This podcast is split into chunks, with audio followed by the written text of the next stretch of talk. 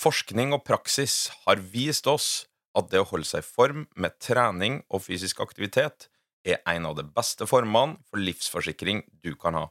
Men ingen av oss vet hvilke retninger livet tar oss i, og selv ikke trening kan beskytte deg mot uforutsette hendelser som brann og ulykker i hjemmet ditt, et sykt barn eller forsikre bilen din. Til det her har du forsikringene til Fremtind Forsikring, som er eid av Sparebank1 og DNB. Ready, set, go! Velkommen til prestasjonsprat med Eirik og Melina. God dag, Melina. God dag, Eirik. Vi er midten av sommeren, bruker jeg å si nå. Det er vel for så vidt ikke riktig. Vi er helt i starten av juli. Ja, fellesferien. Vi er starten av fellesferien. Vi er vel strengt tatt egentlig siste fredag før hele røkla går ut i fellesferie, tenker jeg. Så at eh, da tømmes Oslo for folk, og vi, vi får Oslo for oss sjøl, føles det ut som. Det her er altså den diggeste tiden å være i Oslo på. Eh, Det er fellesferien om sommeren, og så er det påskeferien. For da er det parkering overalt, ledig kafé- og restaurantbord overalt. Du kan gå på rulleski pokker meg midt i gata. Det er superdigg for eh, sånne som oss. Ja, det er egentlig veldig Vi har vel egentlig konkludert med både sommerferie, påskeferie og alle de litt større feriene hvor eh, nesten hele Oslo forsvinner på hytta. Da Alle det, møtes i Kragerø, liksom. Ja, da er det jækla digg å være i Oslo. Ja. Så jeg er ferdig med junisamlingene, som har vært litt spesielle i år. Altså, de har vært på hjemmebane. Senest i går avslutta vi da siste hjemmesamling eh, her i Oslo med dem som er boende her i Oslo. Det har gått veldig fint. Er folk i rute til vinteren? Ja, altså hva er i rute på denne tida? Folk er stort sett friske og raske, nesten eh, alle skadefri. Dessverre ikke alle, men nesten alle. Og da er vi vel på ja, ganske langt på vei med å være fornøyd, da. Ja, det høres jo veldig bra ut. Det, mm, ja, og vi skal jo ikke akkurat drive treningssamling selv, men vi har jo tenkt å trene en del i tiden som kommer nå fremover. Nå som du skal ha litt eh, Ja, i din jobb så har du på en måte alltid ferie og aldri ferie. Eh, men eh, i hvert fall ha litt mindre på plakaten, da. Så da tenker vi å bruke en del tid på å få trent begge to. Altså Hele poenget er at nå når jeg kan være litt hjemme, så kan jeg jo hjelpe litt mer med vår sønn Niklas, som gjør at òg du kan få rørt deg litt. Ja, i hvert fall sånn som jeg har lyst til å røre meg. Og jeg kjente jo på det når du var på samling i Trøndelag, eh, og jeg skulle prøve meg som alenemamma i gåseøynene eh, i fem dager med da en baby på seks uker. Det var jo en eh, challenge, det var det. Så kreds og hatten av til alle som eh, gjør det der eh, helt solo, og egentlig til alle som har flere enn én kid. Ja. Um, men det gikk jo veldig fint. Men jeg kjente jo på det at det er skikkelig viktig for meg at jeg får gjort min økt. Og det at jeg skal trene, ja, jeg vil si mm, etter hvert, da. Eh, Mellom tre timer og én time om dagen, litt avhengig av hva man skal trene. Det føler jeg er sånn Det er time well spent som mamma og som forelder. Både fordi jeg har liksom sånn prestasjonsretta mål som kommer, men også fordi at det er så mye igjen av døgnet da, som jeg kan være der sammen med Mini og være der for han på uansett. Så jeg tror det er litt sånn der jeg putter på din egen oksygenmaske først, og at jeg faktisk får gjort den treninga. Og så er det jo happy wife, happy life, da. Det er noe med det, vet du. Det ordtaket der er mye rett i det. Det stemmer. Men så i gang med løping. Det var sjukt digg å få seg en løpetur. Eh, det løp som typisk meg, da. Et par kilometer for langt og litt for fort, men uh, fikk kjenne litt på det sånn dagen derpå og litt senere på kvelden. Men samme det, jeg er i gang, og da Det er noe med å Uansett hva man skal starte med, da, om det er trening etter fødsel, eller om det er lenge siden du har løpt og sånne ting, så må du bare begynne Du må bare prøve en gang. Og så får du en slags sånn et utgangspunkt. Ja. En standard, og så kan man bare justere deretter. Vi har jo gjort det sånn at du, altså, i hvert fall den gangen, så begynte du å sprenge alene. Ja. Mens jeg altså, da tok med meg vogna, og så hadde vi et sånt oppmøtested, Ja. sånn cirka. Og da når vi var der, ganske nøyaktig samtidig, da tok du over vogna, mens jeg tok beina fatt og sprang hjem igjen. Og det er en familielogistikk som eh, anbefales, fordi da får du en slags overlapping i øktene og utetiden, da. Istedenfor at man én kommer, og så går én, og så blir det litt sånn Ingen får egentlig vært sammen, da. Nei, vi fikk jo ikke vært så mye sammen, for så vidt. Vi møtes jo på midten, og så, men eh, da får vi jo trent samtidig. Alternativet hadde jo vært at jeg hadde sittet hjemme mens du hadde vært ute og trent. Ja, det er så dølt. Og da går det jo dobbelt så mye tid til at noen er ute da, og Av og til må man gjøre det, ja. Men vår familielogistikk er kanskje ikke sånn kjempeinteressant for Nei. veldig mange andre. Men vi har i hvert fall tenkt å bruke en del tid på å trene. Og jeg tenker sånn, nå må jeg gi meg med den suppetreninga mi, for det har jeg holdt på med nå eh, fram til nå. At jeg har trent alt jeg har gjort, har vært halvhardt. Enten fordi jeg har vært eh, mange kilo tung med baby. Det blir halvhardt bare å gå opp trappa. Eller fordi at eh, det er det som er forsvarlig å gjøre, da, i forhold til intensitet. Men nå tenker jeg sånn, nå er det på tide å sørge for skikkelig kvalitet på harde øktene. Eh, og det betyr jo da at alle øktene kan ikke være halvharde lenger når man skal trene ca. hver dag. Det er noe med det. Jeg hadde hardøkt i dag. Jeg sprang 3000, to ganger 1500 og to ganger 1000 På Voldsløkka. på Voldsløkka. Så det sånn lettkupert grussti. Og er veldig godt fornøyd med det. Ja, du så veldig pigg ut. Jeg er ganske pigg, så det, eh, da skal en eh, være ganske godt fornøyd. Nå har jo vi hatt ganske mange episoder på rad der jeg og du har uh, sittet og drodla. Det er Ja. moro, det. Og så er jo noe med det å ha en gjest. Ja. Det, det er utrolig spennende. Jeg veit jo stort sett hva du mener og, og, og sånn, men det å ha gjester, det er i hvert fall for mitt vedkommende, det er litt mer, eh, enda mer spennende enn å snakke Enn å med snakke deg. med kona, liksom. Og nå skal det sies at vedkommende vi har som gjest i dag, kjenner jeg ganske godt. Jeg har han som uh, utøver på laget mitt. Sjur Røthe heter han. AKA verdens triveligste fyr. Ja, han er fort en Han er på pallen worldwide. Uh, Trivelig. trivelig. Uh, han har vært på pallen noen gang i skirenn òg. han har noen VM-gull. Stafett, individuelt. Han har eh, med, flere medaljer i NM. Han er rett og slett en høvelig god skiløper. Jeg tror nok kanskje folk husker han best som uh, når han vant tremila i C-felt for to sesonger siden. Det var litt revansje for han. Sesongen før eh, gikk det ikke så veldig bra. Han har en kronisk sykdom. Det er litt av tanken når jeg ønska å ta en prat med han, var og litt den kombinasjonen av, av sykdom og toppidrett. I mitt hode så er jo sykdom, skader etc. det er det verste for en idrettsutøver. Det er ganske mange veier til rom på hard trening, rolig trening, hvordan du fordeler opp og ned i mente. Det er masse måter å gjøre det på. Men en fellesnevner er er du sjuk, er du skada, det, det dreper alt av eh, fart. Ja, men du gjør det, og i hvert fall sånn når du Nå er ikke langrenn kanskje verdens mest marginale idrett, men han vant jo den tremila med en ganske liten margin, da. Ja, ja. Det, jo, det var jo spurtoppgjør. Ja, ikke sant? jo- Så innimellom så går det på marginer, og du har virkelig ikke råd til Hvis alle andre er friske og raske og får trent alt det de skal, så har du faktisk ikke råd til å være syk eller å ha en skade. Så du kan jo nesten si Eller jeg tenker litt på med det med Sjur og at han har en, en kronisk eh, autoimmun sykdom. Det at han er jo litt sånn eliteutøver mot om ikke alle odds, mot noen odds, i hvert fall. Ja da, det er vanskelig nok å vinne hvis ting er 100 Ja. Og det var det ikke Det har ikke vært hele veien for Sjur. Så eh, jeg tror egentlig eh, vi setter over til den praten jeg hadde med Sjur her om dagen. Og det, det er bare å kose seg med verdens triveligste Sjur Røthe. Så da sier jeg velkommen til prestasjonsprat, jeg, Sjur Røthe. Tusen takk for det. Hvordan eh, er ståa nå eh, midtsommers? Jo, veldig bra. Jeg syns det. Jeg har eh, kommet ganske greit i gang med treningsvåren og tidlig sommer, og jeg føler at jeg er på et nivå som jeg er veldig komfortabel med akkurat nå.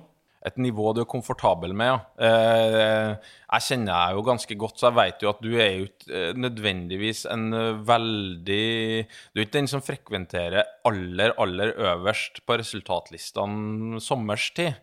Hva, hva, hva har du å si til ditt forsvar? Jo, altså i år så ble jo litt annerledes avslutning på sesongen enn jeg hadde sett før meg.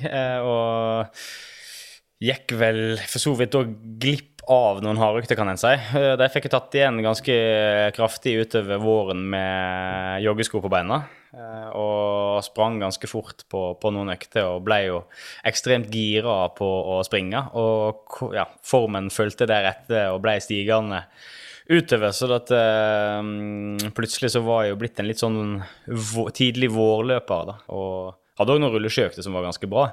Og skjønte at nå var det kanskje ikke vits i å dra i nødbremsen, men det var iallfall greit å roe ned litt på hardøktene. Så um, nå har jeg liksom funnet litt, eh, funnet litt meg sjøl igjen, kan du si. Da. Da er vi jo allerede inne på et, eh, et ganske godt spørsmål her. Da. Altså, du bevisst da, tar vekk eh, hardøkta eh, i, i den hensikt da, å bli i dårligere form. Ja, du kan på en måte så kan jeg si det. jeg er litt sånn uh, Ja, jeg er litt uh, i hermetegn redd for å være i for god form om sommeren. Da er egentlig fordi at en formel som jeg har brukt ofte, er å være i ålreit form om eh, helt sånn normalt god treningsform om sommeren. For da å Det er skiløper jeg er, og jeg har lyst til å gå fort på ski om vinteren. Og da tror jeg at jeg går enda fortere på ski om vinteren hvis jeg holder litt igjen og pakker inn formen litt om sommeren. da.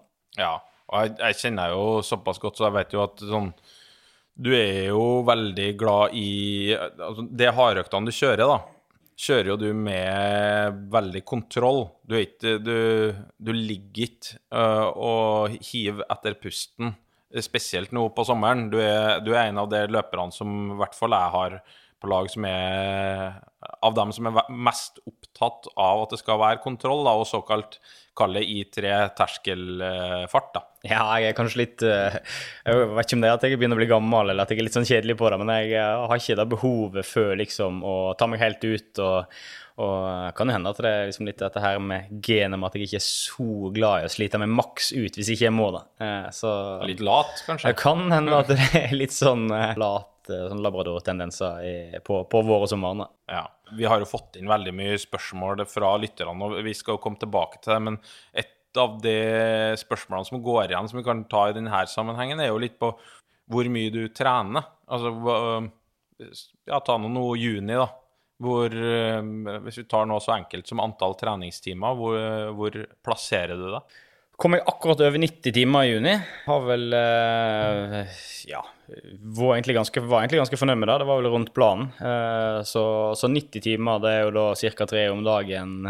klare til og jeg å regne meg fram til. da. Eh, så og hvis en ser på eh, ja, total hard belastning av de 90, så er vel da på en 8 eh, sånn grovt regna. Så, så det er veldig mye rolig trening, men, eh, men, eh, og da varierte det selvsagt med løp og eh, rulleski klassisk og skøyting i hovedsak. da. Litt Hadde vel noen timer på sykkelsete òg, men ikke så mange av dem.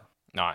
Du var jo sjøl innpå det. Du øh, ble litt bitt av den løpebasillen øh, her i vår under øh, I og med at det ble litt lite konkurranser mot slutten av skisesongen, så tok du fram Har vel jeg fått med meg at du fikk tak i deg noen ganske raske joggesko som trigga kanskje litt uh, lysten til å springe fort, da. Det er jo noe du kanskje ikke har gjort så mye av før. Nei, så er det klart, så, så, Som langrennsløper så springer vi jo mye Vi springer veldig mye motbakke. og Både med og uten staver. og Det skal helst være så bratt som mulig og så høy puls som mulig. og En skal kjenne liksom syro helt opp etter, etter ørene i, i tøff, tøff motbakke. Eh, på mjukt underlag.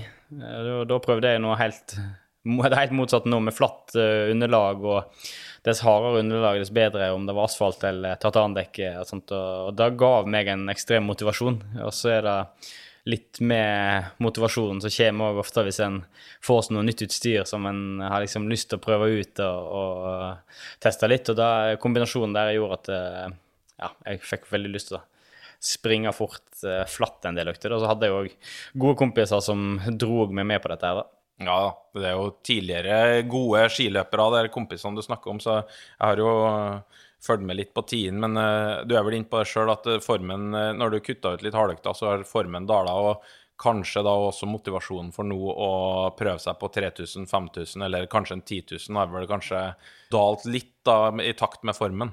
Ja, det har nok. Eh, og jeg eh, har nok sett da at eh, skal jeg springe veldig, veldig fort på et løp, så må det gjøres ganske kjapt på våren. Eh, et, eh, ganske tett på sesongen når jeg kaller kall det racepreppa og formen er, formen er bra, og så prøver å få overført alt fra skisko til joggesko. Så utover sommeren så blir det nok litt for mye lange, tunge timer både med, i, i myr og skog og i tillegg også på, på rulleski. Så jeg tror nok det må gjøres tidligere. Men det, det kan hende at jeg får lurt meg sjøl og kanskje òg deg da, til, til at jeg får slengt meg med på et løp i løpet av sommeren. Ja, Vi får se. Det jeg er bestikkelig. Det har jeg aldri lagt skjul på. Eh, men eh, vi er jo eh, i gang med juli. Prøver du å kjøre en tro kopi av juni i juli, er- eller er det noe annet fokusområde du tar nå resten av sommeren? Ja, målet, er å, målet er å kjøre ganske likt som i juni. Eneste som blir hovedendringen, en suksessformel fra de to siste årene tilbake. Eh, Det er at jeg skal legge inn litt feriedager. Eh, I likhet med mange andre der ute som har litt andre jobber enn skiløpere, så er det greit å ta og unna seg litt ferie i juli. og det har funka bra for min del før. Eh, Iallfall å tatt en femdagersperiode der en gir noe helt annet. For min del i år så blir det litt mer aktiv enn det var før. Jeg skal sykle Rallavegen. Og ja, være litt i fjellet og ta meg en avslutta på Voss eh, med noen rolige dager der. Og da er det fint å legge inn en, en rolig periode. Så det er vel eneste forskjellen sånn treningsmessig, at det blir eh, litt, litt en aktiv, rolig ferie, da. Så Men tenk, ja, jeg er jo forkjemper for det feriene, for så vidt. Men tenker du at det er viktigst for hodet ditt, eller tenker du det er viktigst for kroppen din? i utgangspunktet, de to siste årene, så har det vært viktigst eh, for HV. Eh, mentale biten er jo ekstremt viktig, en må være sulten og, og sånt. Eh, I år litt, litt annerledes i år òg, pga. den avslutningen på sesongen. og timeantallet i mai som ble ganske mye høyere enn i mai i fjor. Eh, og da tror jeg nok nå, og kjenner jo da sånn Begynner jo å kjenne kroppen relativt greit òg, og kjenner at det, det kan være greit å, om ikke restarte, så iallfall eh, la kroppen få hente inn den treningen som er gjort fra ja, fra egentlig sesongen eh, ble brått slutt der i sen vinter og til nå. Mm. Så da tror jeg det kan være greit både for ja, topplokket og for, kroppen da, og få hvilt eh, og gjort litt, og få litt annen stimuli enn enn bare lange, gode turer på, på rulleski og harde runder i, i Holmenkollen. Så, så det er nok en kombinasjon. Temaet for dagens episode da, er jo det litt alvorlige temaet, som er kronisk sykdom og toppidrett. Og de to siste sesongene så har jo du, Sjur, egentlig vært eh, nest best. Eh, eller i hvert fall sånn på jevnhet. Nest beste skiløperen i hele verden hva gjelder i distanselangrenn. Eh, det har flyttet ganske greit, da. Det er vel bare Aleksandr Bolsjunov som har vært eh, bedre enn deg. Eh, men sånn har det ikke alltid vært. Sesongen for to år siden var OL-sesong. Det var et mesterskap som gikk uten deg til stede. Du, og da kom det òg fram at du hadde blitt, eh, som undertegnede, blitt en revmatiker. Du har I fare for å høres litt sånn jovial ut, du har pådratt deg en revmatisk eh, sykdom som gjorde òg at eh, sesongen der ble spolert. Kan ikke du først Hvilken revmatisk lidelse er det du har? Ja, det heter jo da Eller Bechtrev kaller jeg det egentlig for, da. Og det er jo sånn Det begynte vel egentlig med at jeg hadde Ja, var trøbbel liksom i perioder. Både vintersesong, men òg sommersesong. Med liksom å At jeg var stiv og støl i kroppen, men tenkte ikke mer på det, for det er fort gjort at en ikke helt veit hva som er normalen, da. Um, og ja jeg pleier å sammenligne det med at jeg hadde, jeg hadde trøbbel med øynene en periode. Eh, og, og så dårlig, men jeg visste ikke at jeg så så veldig dårlig før jeg fikk meg briller. Og, og da fant jeg ut hvor bra jeg egentlig kunne se. Eh, Det er litt den sammenligningen med at eh, en, en går inn i en sånn der eh, vanlig modus, at en ikke finner helt ut hva som egentlig er normalen. Eh, og da var, da ble normalen min ble at det var litt sånn stiv og støl i ryggen når jeg sto opp om morgenen. Eh, etter hvert så kom det òg Jeg fikk en del punkter på kroppen som eh, ja, stakk ut, rett og slett. Eh, og som plaga meg litt, da.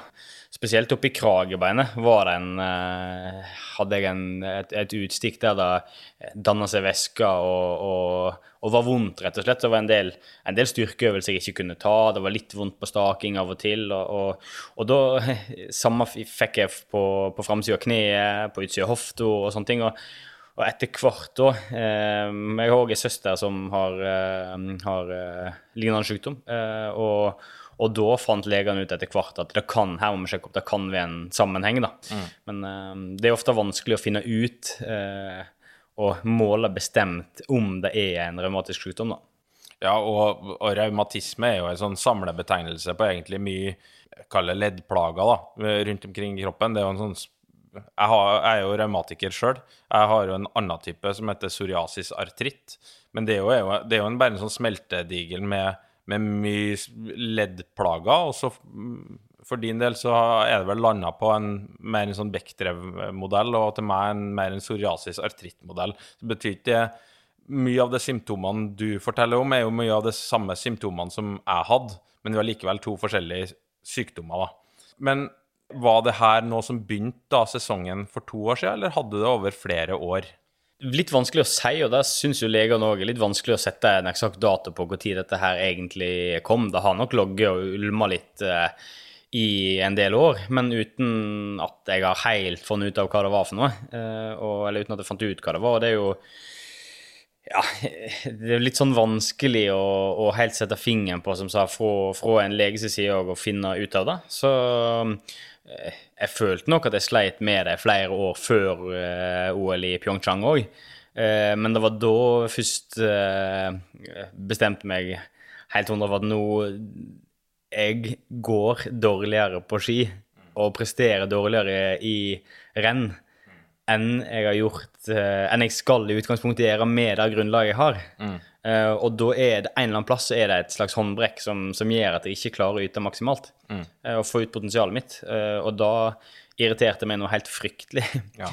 Ja, egentlig hvis en tar OL-sesongen, så, så prøvde jeg og prøvde jeg og prøvde jeg eh, i starten av sesongen. Og jeg, ja, det er veldig lett å overbevise seg sjøl om at en egentlig er bedre enn en er.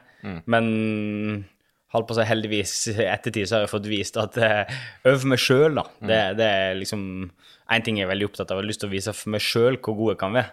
Og akkurat i, i den perioden rundt OL der, så sleit jeg med å få ut potensial, da. Ja, du er jo inne på Altså, du følte jo at det påvirka den prestasjonen din, da. Eh, Men følte jo Altså, var det av at det påvirka treninga di, eller påvirka hverdagen din, eh, eller var det kun den konkurransesettinga du følte påvirka? Det, det, det henger nok sammen på, på flere områder. Eh, altså, jeg eh, Ja, jeg var påvirka. Jeg sov dårlig en del netter. Eh, og jeg har lest mye forskning på søvn, og veit hvor viktig søvn er. Det er nok eh, Restitusjon og søvn er ekstremt viktig. Og dess mer en trener, dess bedre må en restituere òg. Eh, og, og den søvnbiten, den tok litt knekken på meg. Da fikk jeg ikke trent så bra som jeg ville dagen etterpå, og så ble det følgefeil videre, da. Så da var nok én ting, men så òg dette her med prestasjonen i skirenn, så jeg stivna, og farten ble lavere. lågere, uten at jeg ble følte at jeg var kommet til det punktet der en skal bli, få melkesyre. Mm. Uh, så jeg ble stiv før jeg normalt sett tenkte at jeg skulle bli stiv. Og det er jo lett å lure seg til å tro at den er bedre enn den er, men akkurat i dette tilfellet så eh, du- Jeg skjønte at her det er et eller annet som skurrer. Ja, det var nok å Altså, eh, jeg var jo en del, jo en del av støtteapparatet. Jeg var jo assistenttrener på allround på det tidspunktet der. Og du var jo da en del av verdens beste landslag, og det var jo flere økter der du er med i teten når de trente, og så kommer du til skirenn, og så er jo dem du da er med og trener sammen med, som bare går, går ifra deg. Det er jo litt det at du har jo noen referansepunkter i det feltet på hvor god du egentlig skal være når ting er normalt, da. Ja, og det er litt sånn eh, Ofte så har jeg vært ganske god på vinteren kontra på sommer og høst. Så når jeg da var med ganske så bra på sommer og høst, og kom til vinter og var bak, og ikke var i nærheten egentlig, så var det noe som skurra. Og, og ja, med god hjelp, da, så fant vi ut av eh, hva det var, fikk stilt en diagnose, og jeg kunne få hjelp eh, til opptrening og til å bli rettmedisinert. Og da eh, har da spesielt disse punktene på kroppen har roa seg, og ryggen er veldig mye bedre. Ikke Jeg har fortsatt dager der jeg står opp og våkner tidlig om morgenen og ja, er stiv og støl i ryggen. og det, det er lang helg, og jeg har ikke noe særlig på treningsplanen, men jeg kan ikke ligge og slumre i, i eh, senga. Jeg må opp og, og komme i gang, liksom. Så, så det er noen sånne dager òg. Men det, det er veldig til å leve med, da. Ja, du var inne på det når du fikk da stilt en diagnose. Hva, hva Det husker jeg jo for min egen del, at du var et litt sånn vendepunkt når du fikk en diagnose. Før det så var det jo mer en sånn eh, Du var litt på jakt etter hva er det egentlig som feiler meg. Ting her, Det er noe som skurrer her, er ikke bra. Eh, og så ble det et litt sånn vendepunkt i det du får diagnosen, da. Eh, hvilke tanker var det som gikk gjennom hodet ditt når du på et vis fikk beskjed her har du et blad om revmatisme, du er revmatiker? Ja, det, var, det er jo litt vanskelig å helt forklare, for at det, for mange, det var vel inkludert deg òg, så var det veldig mange som sa at med en gang de fikk diagnosen og kom i gang med behandling, og sånt, så, så åpna det seg en helt ny verden, og da var roa ting seg veldig. da. Eh, for min del så tok det litt tid, eh, og da var det litt sånn på et sett vis kanskje feil å si frustrerende, men det var litt sånn Jeg hadde håpet ok, nå har en funnet ut hva det er for noe. Eh, da er det en quick fix, og så er det i orden. Eh, sånn var ikke det helt til meg. Det tok litt tid videre òg, og det er klart Vanskelig å si om all trening spiller inn, eller om det liksom er andre ting som spiller inn, men det tok litt tid. Eh, men, men å bare få den der eh, roen på at nå er det folk her som har, man har funnet ut hva det er, og da kan vi gå til neste steg. Det er jo å se hvordan skal vi få, få koll på dette. Mm. Eh, da var veldig sånn, da var veldig givende for min del. Eh, og ja, spesielt òg eh, med fysio på laget vårt, som var ekstremt ivrig og, og laga til opplegg. Og jeg har vært litt Ja, jeg hadde lyst til å få, få, uh, få ting på stell, men jeg klarte ikke der og da å se hvor viktig det var hele tida å følge det opp. Så da har folk rundt meg som uh, i hermetegn presser meg til å kjøre eh, helt banalt enkle øvelser på ei gymmatte med folk som sto og så på at jeg gjennomførte det helt rett. uh, da var veldig viktig for min del. Eh, for da fikk jeg mer og mer trua på det òg. Dess lenger jeg kom i, i øvelsesmønsteret, at, eh, og dess flere repetisjoner jeg gjorde gjennom veken og månedene som kom, så, så ble det bedre og bedre. Ja.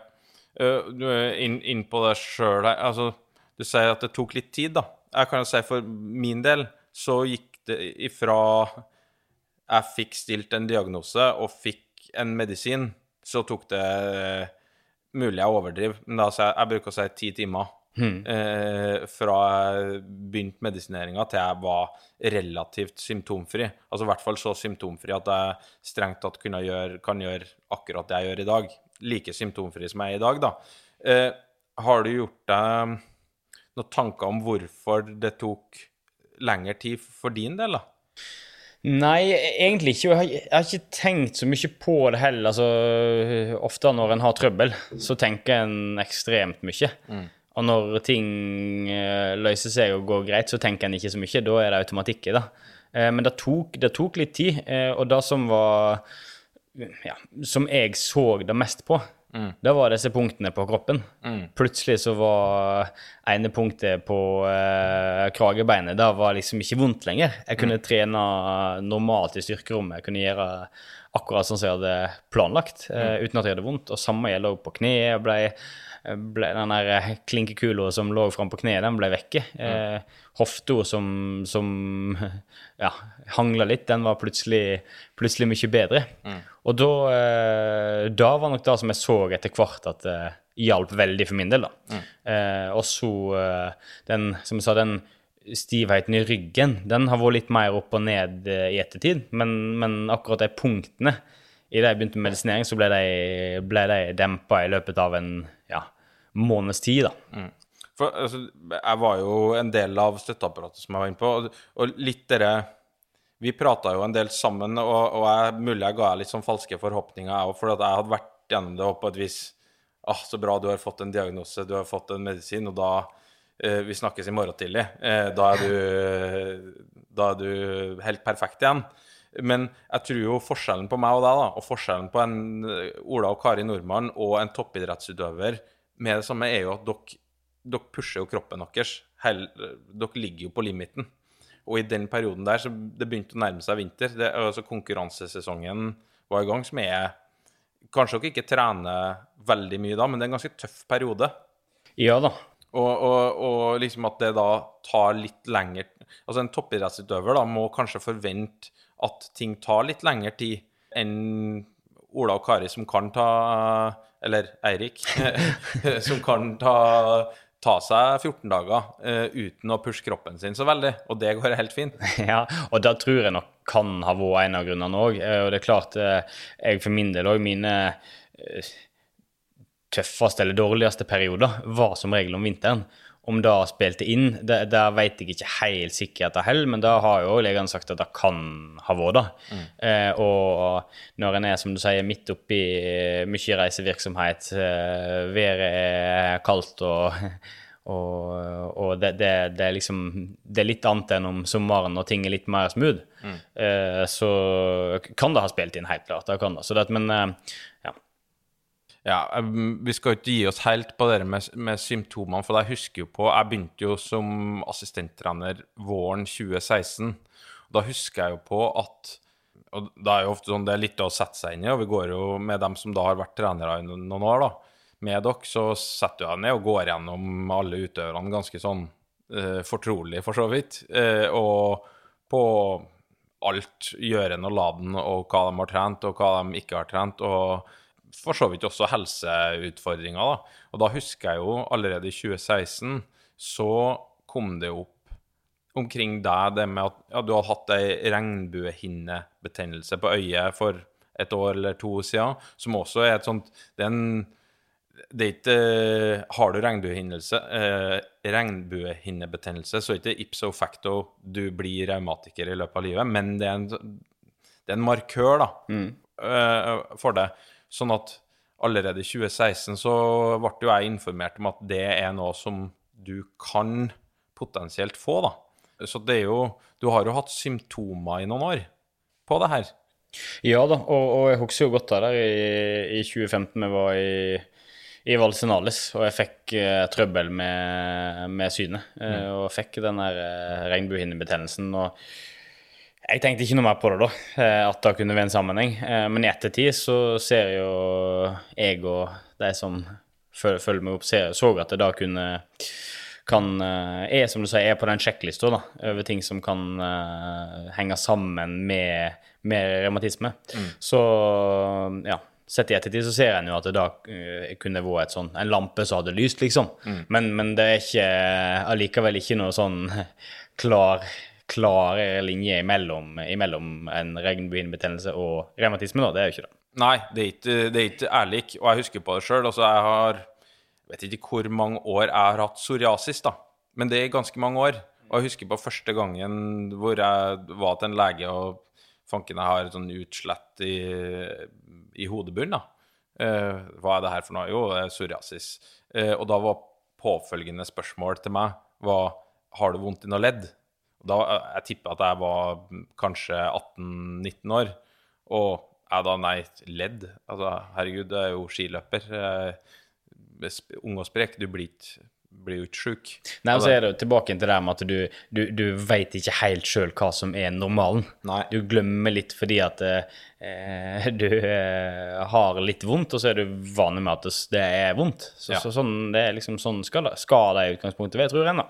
Ja, det, du går jo der trappetrinnene, da. Det blir bitte litt verre med, med tida, og, og så eh, er du Ja, du, du slår deg egentlig til ro med at kroppen skal være litt sånn. For din del, du, du trener såpass tøft og såpass mye at at du er litt stiv her, at du har litt vondt der, det må du bare regne med. Toppidrett er sånn. Ja, det er veldig, det er veldig sjelden det, det er sjeldnere at jeg står opp om morgenen og ikke har vondt i en muskel eller noe sånt, eh, enn at jeg ikke har det. da. Og det er jo ofte vanskelig å skilje mellom eh, vondt i muskel og vondt i ledd, på sett og vis. Det er ikke så lett å kjenne om en er vondt i et ledd, Nei. Eh, men en ja, Ja, kjenner og- en litt, litt, litt mørbanka er en jo ofte som skiløper, iallfall på sommeren med mye rulleski. da. Ja, og ikke minst om den, den vondten er treningsindusert, da. Altså om den kommer fra trening. Fordi at ja, i går så sprang du Jeg og du vi sprang en tretimer i, i myra i går. Fikk du nevnt det også, ja? Ja, da fikk jeg med det. Så det er veldig fint om folk eh, husker det. Men da kjenner jo jeg i dag at da, da er jo jeg litt sår i, rundt knær og sånn der. Men det jeg tror ikke det har så mye med, med sykdommen min å gjøre. Det har Nei. mer med treningsstatus og at det var ganske tøft. da. Men det er likevel smertene er ganske like. Den dag i dag føler du at det at du er revmatiker, føler du at det er et handikap for deg i Jeg kan jo ta hverdagen i konkurransesetting, i treninga. Føler du det er et handikap i dag, eller er det en slags sånn Du er såpass, kall det frisk, da, at du ikke tenker over at det her eh, er noe du har, men som kanskje ikke dine konkurrenter har, da? Nei, nå tenker jeg ikke på det. Eh, nå bruker jeg ikke eh, bortimot ikke en kalori på det i løpet av hele året, egentlig. Mm. jeg eh, ja, gjør som alle andre. Eneste jeg gjør, er en del styrkeøvelser i perioder. Jeg fortsetter med det enkle, de enkle oppgavene som, som jeg fikk av fysioterapeuten min for, på laget for uh, mange år siden. Uh, og da intensivere det i perioder. Eh, som jeg eh, Jeg merker veldig stor forskjell hvis jeg er forkjøla eh, og er ute av trening eh, av andre grunner. Så merker jeg at da blir jeg stiv og støl. Okay. Da må jeg kjøre øvelsene mine, fordi at da er jeg ikke fysisk aktiv. Og den beste medisinen for uh, revmatisme er å være aktiv. Så sånn sett så er jeg jo heldig, og ganske heldig med yrket. Eh, men, men, eh, men jeg syns ikke det er noe som helst handikap for min del nå. Jeg føler at jeg har Jeg stiller på like vilkår eh, med alle andre. Eh, og det er en sånn ting som gir meg òg en veldig sånn trygghet, sånn sjøltillitsmessig, da. At uh, det hadde vært tungt å stilt med et par, et par prosent uh, ja, i bagasjen, liksom, eh, på tillegg, liksom. Det, da hadde det vært vanskelig. Men, men akkurat nå så stiller vi, stiller vi likt. det. Det er vanskelig nok å vinne når du er 100 Ja, ja, ja, sant. Altså, alt skal klaffe. Og hvis Ja. du da i tillegg hadde hatt uh, ja, starta med, med et dårligere utgangspunkt enn andre, så hadde det blitt vanskelig. Mm. Du er inne på et ganske sentralt poeng her, som jeg òg kjent, uh, er jo det med bevegelse. Uh, har du ledd, og jeg har jo blitt kontakta av Uh, mange rundt omkring i ganske land som enten seg sjøl eller folk i familien som sliter med revmatisme. Nå er jo verken jeg eller du medisinsk utdanna, men det er jo en ting som jeg har merka, at hvis jeg kom meg over den dørstokkmila på morgenen, da, hvis du var litt stiv, litt støl, litt vondt da, og kom i gang med bevegelse, så var det ingenting som var mer effektivt i forhold til smerter enn det å bevege seg. Og det er jo eh, strengt tatt mitt eh, kanskje viktigste sånn take home message til folk som eh, er revmatikere, så er det jo å komme seg i bevegelse. Å gå, jogg, eh, hva fanken du liker, liksom. Ja, og da stiller jeg meg helt klart bak. Altså det, det, som jeg sa eh, innledningsvis, er det viktigste for meg er egentlig å komme meg opp om morgenen eh, og komme meg i gang med dagen. Eh, da løser det der, eh, den der ryggstivheten seg løser seg veldig fint. Mm. så jeg pleier å dele det to. Jeg er ganske sikker på at medisin hjelper mot de punktene som jeg har. Mm. og eh, generell trening og aktivitet ellers hjelper meg mot å unngå de plagene som jeg er ganske sikker på gikk utover skigåingen min da, og, og eh, nivået på skigåingen. Så da, da være fysisk aktiv og i tillegg kjøre de ja, styrkeøvelser på mage og rygg, og da, da snakker vi helt enkle øvelser. Altså enkleste av det enkle, der målet og poenget er å få strekt ryggen og få tak i, i kjernemuskulatur i magen. da. Og øh, når du først er inne på det, hvor, hvor ofte gjør du det her? Jeg varierer veldig. Eh, akkurat sånn som nå, eh, vi sitter her og, og har akkurat starta på juli, så er det veldig lite. Eh, veldig lite av det. Og det er nettopp fordi, som jeg sa da også innledningsvis, vi snakket om antall timer med trening. Med 90 timer trening så er jeg såpass mye aktiv i løpet av måneden at kroppen ikke stivner til. Eh, men i perioder der jeg eh, På våren i år, eksempel, eh, så hadde jeg eh, perioder der jeg måtte kjøre eh, ja, et kvarter da, med øvelser tre, ja, iallfall tre ganger i uka. da. Eh, og da er det litt også som forebyggende, fordi at jeg vet at nå kommer det en periode der jeg skal trene litt mindre. Da må jeg være litt mer påpasselig. Eh, men sånn som nå, så kjører jeg mitt vanlige styrkeopplegg, og så hjelper det veldig å være, være i aktivitet som, som eh, så, ja, på rulleski og springing. Men det her er først og fremst eh, da styrkeøvelser. Du driver ikke med tøying, altså aktiv tøying. Jo, jeg gjør det òg. Jeg, syns- jeg syns det hjelper, men jeg er litt mer usikker eh, på om det hjelper, eller om det er litt sånn placeboen i det. Eh, så jeg bruker òg ofte å tøye ut og, og prøve å holde bevegeligheten. Nå er jo jeg ikke sikkert jeg at jeg, at jeg er Norges stiveste skiløper, men det er ikke så langt vekke. Jeg er iallfall høyt oppe på lista. Ja. Så jeg blir aldri mjuk, men eh, jeg tror det er viktig å, å holde litt, eh, litt bevegelighet i, i kroppen. Det tror jeg er viktig. For jeg uh, Vurderte på noe tidspunkt altså Nå er vi jo da i OL-sesongen, og, og, og ting var på tverke. Jeg husker jo enda at du Det var vel på 15 klassisk fellesstart i Val di Fiemme i Tour de Ski, da. Altså rett på nyåret. I 2018 blir det vel. Da bryter du Tour de Ski, du bryter det løpet, eh, drar hjem, og var jo på et vis da ganske langt ned. Eh, ser jo da, vil jeg tro, at OL-toget det har eh, en stund siden det gikk fra perrongen. Vurderte du på et tidspunkt der at OK, det her livet her er Det er ikke for meg, jeg skal prøve noe annet?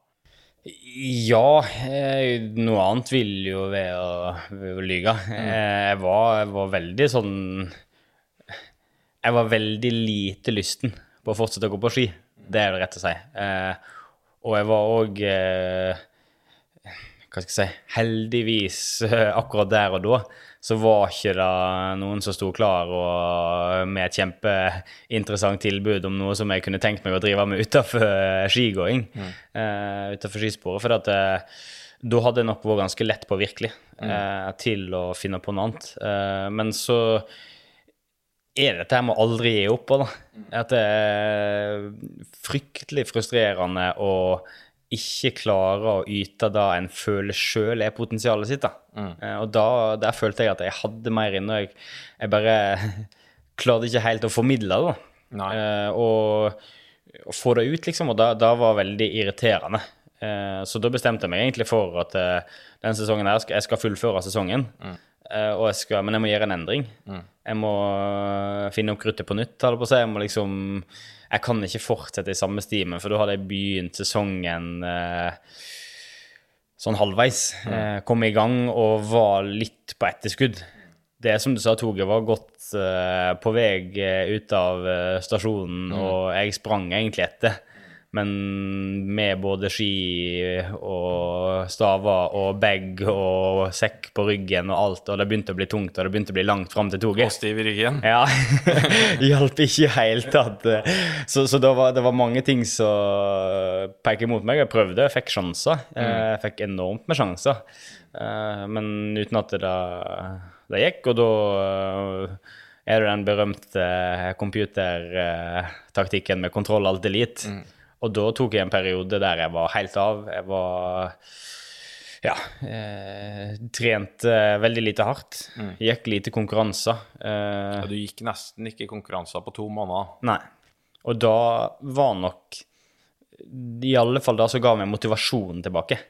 For da jeg har vært grunnleggende i alle mine år som skiløper. Jeg må ha motivasjon til å eh, gjøre den treningsjobben som skal til.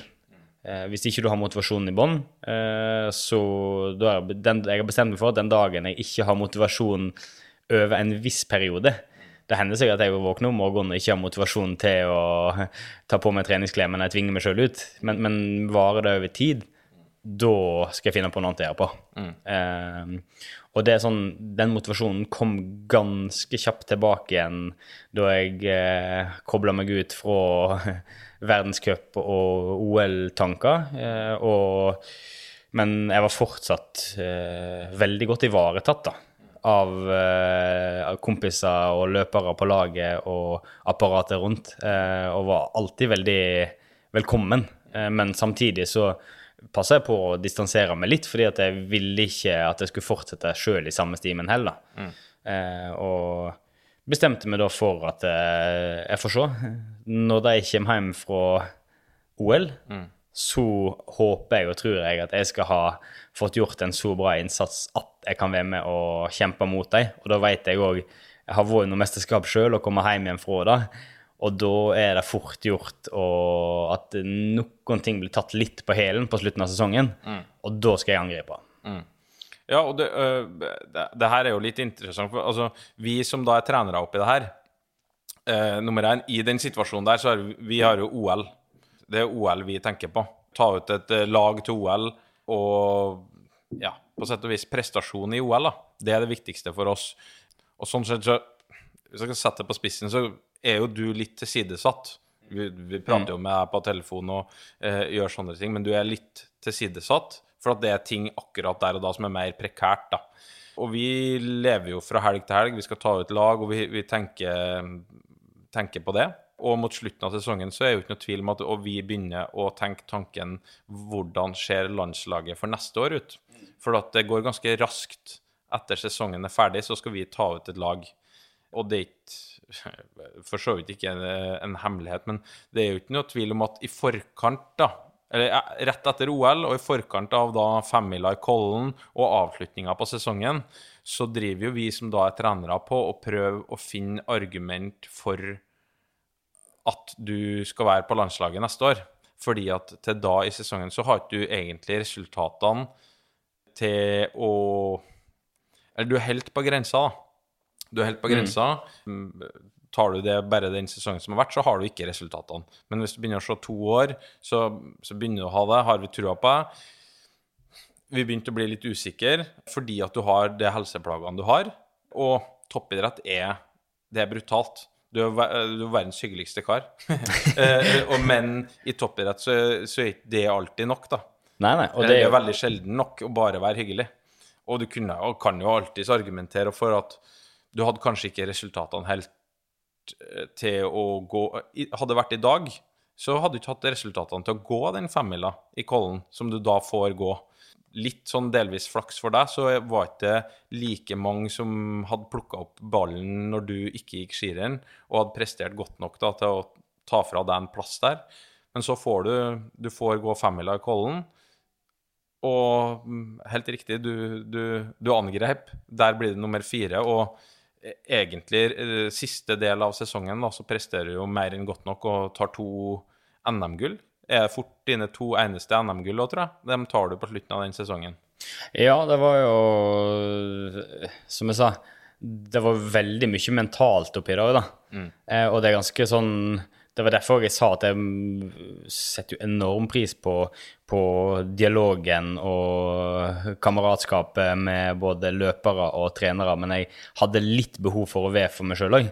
Fordi at jeg vil ikke bli påvirka av mesterskapet, eh, og at mine prestasjoner på trening inn imot perioden etter mesterskapet eller OL da, skulle bli påvirka av at eh, folk var litt ferdig med sesongen etter hovedmålet, som er OL, eller som var OL. Eh, og, og da visste jeg at jeg må Ja, jeg må rett og slett angripe, da. Eh, og da eh, funka jo da til da fulle, vil jeg nesten si. Eh, og fikk jo da Jeg òg visste jo da, jeg veit jo hvordan det fungerer. Toppidretten er jo brutal, og det er knallhardt. Og jeg òg vil jo ved at uh, i et mesterskap så vil jeg at de som er i støtteapparatet rundt der, skal serve meg 100% mens ha litt mindre fokus på de som er hjemme. På tross av at det er ja, deres eller dine i dette tilfellet, og løpere. Eh, så, så, men da, da følte jeg jo at det ble helt rett. Eh, og jeg kom, eh, kom til, eh, til Kollen og fikk lov å gå. Eh, det er jo som du sa, eh, stong inn der med at det ikke var noen av de andre rett rundt eller bak meg da, som ikke nytta sjansen, og da ja, ble det Fikk jeg sjøltillit nok til å, å prestere ekstremt bra i NM òg, da. Hele slutten av den sesongen blir jo veldig bra. Du tar to NM-gull. Du får helt selvfølgelig fornya plass på laget. Og da går vi jo rett inn i en VM-sesong, VM-sesongen i Seefeld. Og nå har vi jo prata ganske mange minutter om liksom OL-nedturen, og så har jo da på et vis revansjen eh, etter den tid vært utrolig bra. Jeg sa det i starten, du har vært kanskje verdens nest mest stabile distanseløper de siste to sesongene. Føler du sånn i ettertid at den, den sulten da, som du på et vis fikk stimulert gjennom de to månedene der du, eh, for å si det litt billedlig, fikk være litt for deg sjøl. Eh, skammekroken. Tenk litt på hva du har gjort, nærmest. Og, og liksom reflektert litt over det. Kommet i en angrepsposisjon. Fått gode svar mot slutten av den sesongen. Føler du at det hjalp deg eh, etterpå, sånn sjøltillitsmessig? da, For det er jo ikke noe tvil om at den sjøltilliten du egentlig kommer inn i neste sesong med, og strengt tatt ikke har lagt fra deg siden den dagen, eh, at den har vært viktig da, for at du presterer sånn som du gjør? Ja, absolutt. Eh, Og det er veldig rart hvordan ting fungerer, spesielt den mentale biten. da. Eh, Som jeg sa inn imot eh, da toget stakk av gårde og jeg sto igjen på perrongen inn mot OL, så brukte jeg da at jeg ikke ble tatt til OL, og ikke var god nok rett og slett, til å være i OL. Da brukte jeg som motivasjon for å prestere i slutten av sesongen. Og så presterer jeg bra og eh, får med meg god plassering i, eller gode plasseringer i verdenscup og to NM-gull på tampen, så blir da igjen motivasjon til neste sesong. Så det, det, er veldig mange måter både bruk, å bruke eh, negative resultat og negative ting til å finne motivasjon, men òg positive resultat og positive utfall av treningsmetoder da, eh, til å bruke det som motivasjon inn mot neste sesong igjen. Mm. Og neste mål, da, som, som ble VM i C-felt og enkelt og greit. Mm. Og jeg visste jo da Ja, det er kanskje akkurat den sesongen og sesongoppkjøringen der er nok det jeg er mest fornøyd med, eh, jeg må si så langt, da, i min idrettskarriere. Inn imot egentlig mitt aller viktigste skirenn, som da var tremil Beitostølen den C-feltsesongen. Da er vi i desember i sesongen 2018-2019. Ja, stemmer. Og det er jo det er nok den eh, ja, jeg, jeg har holdt eh, noen ganger et foredrag og litt sånt, eh, og prøvd da, og da har jeg jo kalt det veien mot målet, da. Eh, for det er det, det, er det som jeg syns er mest spennende med skigåingen. Det er veien mot et mål som akkurat den sesongen her så var målet Beitostølen og tremil Beitostølen. Eh, og fordi at jeg visste at der har jeg fått beskjed av eh, deg, Eirik, og, og andre rundt, at der skal du gå femmile i VM, så er da Det er plassen. Det er der, du må, der er det veldig gode muligheter for å kvalifisere seg. Og, og da brukte jeg det inn imot, og den veien imot da, å legge inn egne økter inn imot eh, et sånt mål som økter som gir en motivasjon. En legger seg om kvelden og i morgen tidlig. Klokka på et kvarter tidligere enn vanlig, fordi at da jeg gleder meg sånn. Jeg må ta en ekstra kopp kaffe her nå, for dette her, dette her er en høydere av ei økt som kommer kanskje i juni, midten av juni, liksom. Men målet er i desember. Men, men veien imot det, og hvordan en jobber, det er noe sånt som ja, betyr ligger veldig eh, hjertet nær til meg, da. Ja, og, og da i hvert fall og når den da lykkes, da. Med det målet, altså, så vil jeg jo tro det er bare en sånn forsterkelse av den måten å jobbe på. Uh, at uh, Og jeg husker jo Det er ikke sikkert at alle våre lyttere husker hvordan det gikk i den tremila på Beitostølen, men da uh, vant du jo Så mye har du aldri vunnet et skirenn med, uh, sjøl på nasjonalt nivå. Uh, det er det skirennet du kanskje har vunnet med mest, da. Og sånn sett uh, signere billetten til, til VM allerede der, da. Ja, og jeg tror akkurat den dagen så var jeg veldig fornøyd og helt i skyene.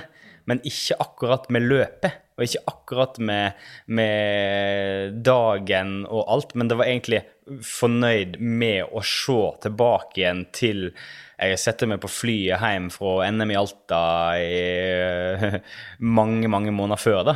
Eh, det var mer den veien fra flyet hjem fra Alta og til Beitostølen. Og planlegginger og gjennomføring av økter og, og alle de små detaljene som til slutt ble et ferdig puslespill. Da, da er liksom eh, Da var Ja. Ja, og det, det er jo mange som husker Mange av oss som i hvert fall er ganske geeks, da, vi husker jo på Beitostølen, og, det, og det er fint, men de fleste øh, husker nok mer på VM, da. Eh, Det at du gjorde det bra i den tremila på Beitostølen, gjør jo at du, du er jo til start både på tremila i VM, du er til start på femmila i VM, du er til start på 15 km i VM, du er til start på stafetten i VM. Du går fire distanser, du kommer hjem med to gull og en bronse revansjemessig så kan du jo ikke få, få det bedre. Altså da, ganske nøyaktig ett år før, så sitter du i OL-studio og kom, er nødt til å kommentere eh, dine kompiser som herjer i Pyeongchang og, og vinner, mens du er egentlig veid og funnet alt, alt, altfor lett til å i hele tatt være der. Og så er det samme personene du da egentlig går rundt da, eh, et år etterpå. Og det, den revansjen der, da, er jo i mitt hode Jeg tror jo det er mulig å se på TV-bildene òg, hvis eh, dere ønsker, at det var jo òg ganske rørende for meg, da, at eh, det faktisk var mulig. Og uten at jeg tror at strengt tatt, hvis du går, går inn i treningsdagbøkene dine, så er det ikke så fryktelig mye som eh, annet, altså Ta nå bort sykdommen, da. På det du har gjort på trening, det er ikke veldig mye. Du kan se i en treningsdagbok som er endra, men bare den mentaliteten, da. Hvor mye det har hatt å si, da, oppi det her. Ja, helt klart. Og det, det er jo, som jeg sier, tilbake igjen til dette her med veien mot dette målet, da. Eh, da er nok den jobben der hver eneste dag eh, og hver eneste periode som en planlegger, med trening og, og alt, hvordan en bygger puslespillet sitt inn imot eh, mot det målet som i første omgang, første delmål da, som jeg sa, var Beitostølen, som skulle bli til hovedmålet, som var i Seefeld. Og det er jo den derre ja, si, si revansj. Altså, jeg er veldig opptatt av at jeg skal vise over meg sjøl hvor fort den vetle kroppen på 1,71,9 eh, kan, kan gå på ski. Det er da på en måte Jeg har ikke da behovet for å vise overfor eh, du, deg som tar ut lag, eller andre liksom ha-ha, så god er jeg egentlig. Jeg har mer lyst til å vise at jeg er så god overfor meg sjøl, da. Og det er litt sånn Så det var mer å slå meg sjøl på skuldre og brystet og hvor enn det måtte være, for å liksom vise at jeg eller vi klarte det, da. Eh, det er liksom Da var veldig, veldig stort for min del, da. Å vise overfor meg sjøl at det, det her som jeg drev med i fjor vinter, eh, for all del, det var jo veldig kjekt å sitte i TV-studio eh, og, og se på OL og kommentere, og det ble jo gode prestasjoner og hyller for så vidt. Men, men, men å være med på det sjøl, det er noe helt eget, da.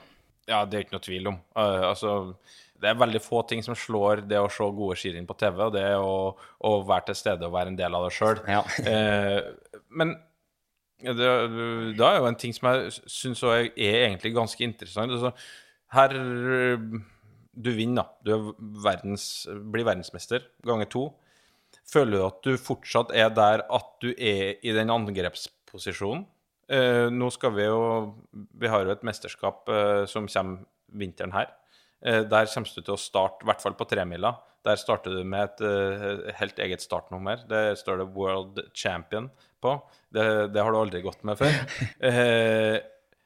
Føler du at du er i den samme eh, Føler du at du klarer å være i den samme angrepsposisjonen, eller føler du at du nå eh, på et vis jobber motivasjonsmessig for å være i en best mulig forsvarsposisjon?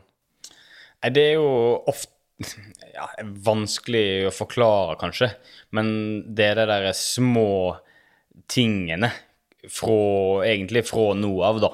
Nå har vi brukt eh, mai på å komme i gang med trening, juni på å bygge en robust kropp som skal tåle trening utover. Den derre eh, svolten på å prestere, eh, den vil være der uansett når vi kommer til vinteren.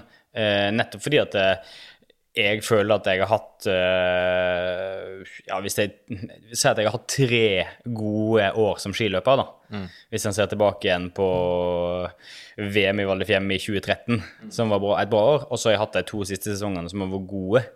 Utenom da så har det vært veldig eh, uoversiktlig og Hummer og kanari, som det ja, heter. veldig mye forskjellig det vært, da. Og det er ikke noe sånn ja, det gjør at det, kanskje i motsetning til andre som har hatt jevne, gode perioder og, og små svingninger, så har jeg hatt en uh, mer turbulent reise imellom 2013 og de siste to årene, da, som gjør at jeg fortsatt, eh, på tross av litt lite hår på hodet nå etter hvert og, og Vikeren trekker seg lenger og lenger ja, tilbake. Ja, sant. Så, så føler jeg fortsatt at jeg er relativt ung i, i topplokket.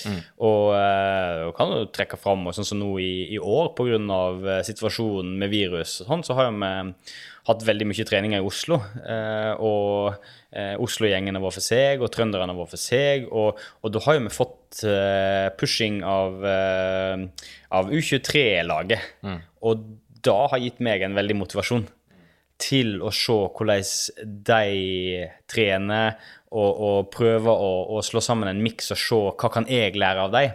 Jeg håper jo selvsagt at jeg kan lære en del ting til dem, eh, det tror jeg nok. Eh, men men òg være nysgjerrig på å lære ting av de som er unge og på vei opp nå. Og se det der eh, motet som de har i seg, og hvordan de angriper hardøkte nå, og hvordan de opptrer på langtur. Sånne ting betyr ganske mye for meg. Eh, og det er en sånn motivasjonsbit som gjør at jeg føler ja, at jeg er begynt å bli eldre, men jeg, jeg føler ikke at jeg er noe sånn forsvarsposisjon for de om at jeg, jeg har prestert bra på ski.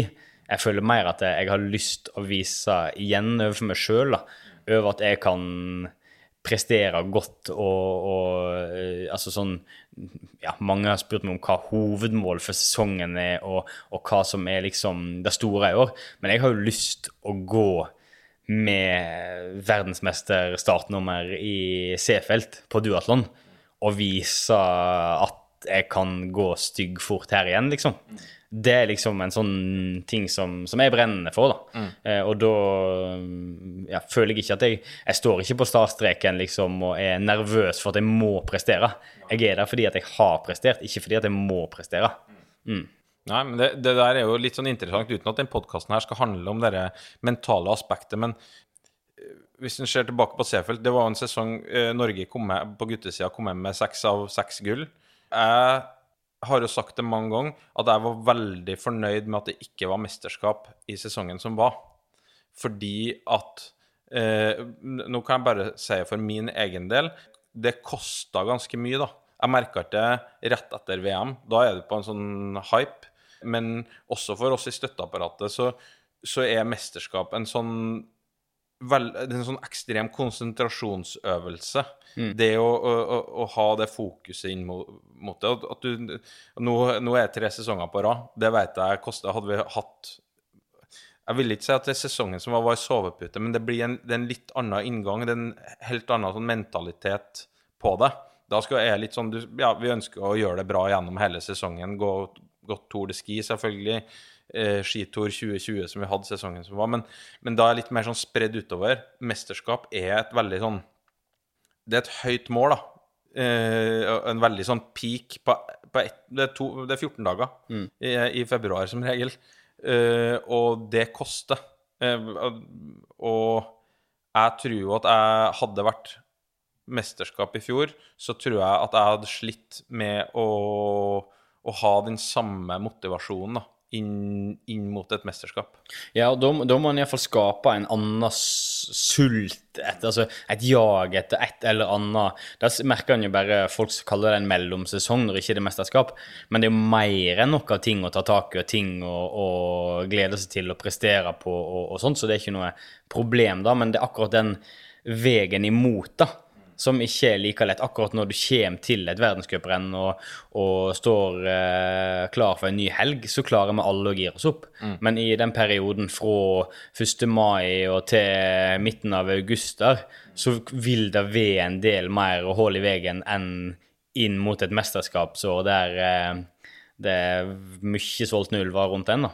Ja, det, det, det merker en jo allerede. Selv om den starten på sesongen her har vært litt spesiell, så merker jo jeg, i hvert fall for min egen del, en litt sånn annen inngang. Det er mer spesifikt. Jeg merker sjøl motivasjonen for uttak, som kommer til å bli tøft. Og jeg syns altså, det det minst hyggelige med, med et mesterskap, er uttak. Men samtidig så det, det trigger meg noe jævlig da, på å gjøre ting riktig, på å gjøre ting Finne finne måter å kommunisere hva som er viktig på, gjøre kloke, gode valg etc. Mens i en du sa selv, i en mellomsesong på den som var, så du har, du har så mye skirenn som på, på, mange måter er viktig, men på andre måter er, er, litt mindre viktig. da. Sånn at om du gjør en feil, om du eh, tar han i stedet for han, så så jevner det seg ut i annen sesong. Men et mesterskap så er det full konsentrasjon fra første stavtak på første skirenn på å, å tune alle som er aktuelle, inn mot et uttak. Og så er det om å tune den aktuelle troppen inn mot det VM-et. Og det, det, er jo det som trigger meg, og jeg vet jo det for din del òg, at de tre neste sesongene. Jeg håper jo du holder i tre sesonger. At eh, de tre mesterskapene eh, skal du fortsette å ha den sulten. Vi eh, som podkast er jo veldig heldige med at vi har veldig aktive lyttere som stiller veldig mye spørsmål til alle episodene vi egentlig har hatt. Men når vi da la ut at Sjur Røthe skulle være gjest, da eksploderte det på spørsmålsfronten utrolig mye spørsmål som har blitt stilt til Sjur. Så da hadde vi to alternativ. Enten å ha en sju timer lang podkast, eventuelt eh, livesending eh, eh, med dem, eller så kunne vi prøve å plukke ut litt spørsmål og stille dem. Og det vi har landa på det siste. Og et spørsmål som går igjen litt, det er jo at vi har jo folk som Lytterne våre følger jo litt med. De har jo fått med det vi allerede har vært inne på, at du er ikke en sommerskiløper strengt tatt, sånn resultatmessig. Du er vesentlig bedre på vinteren. Og hvis du skulle ha sagt noen punkter da, på hvorfor tror du at du er sånn som klarer å ha såkalt stigning i programmet eh, inn mot vinteren, kontra å være i god form på sommeren? Ja, jeg var for så vidt litt inn på det i stad. Eh, jeg tror jo en av tingene er nok eh, treningsbiten i det.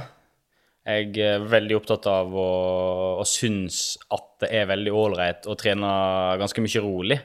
Og ganske mye lange, rolige, rolige økter. og som jeg sa, prosentvis eh, andel. Du er jo veldig opptatt av det, Eirik, å kikke i dagboken og se hvor mange prosent har vært det som vi kaller I3, 4 og 5. Eh, og den prøver jeg å holde ganske godt nede.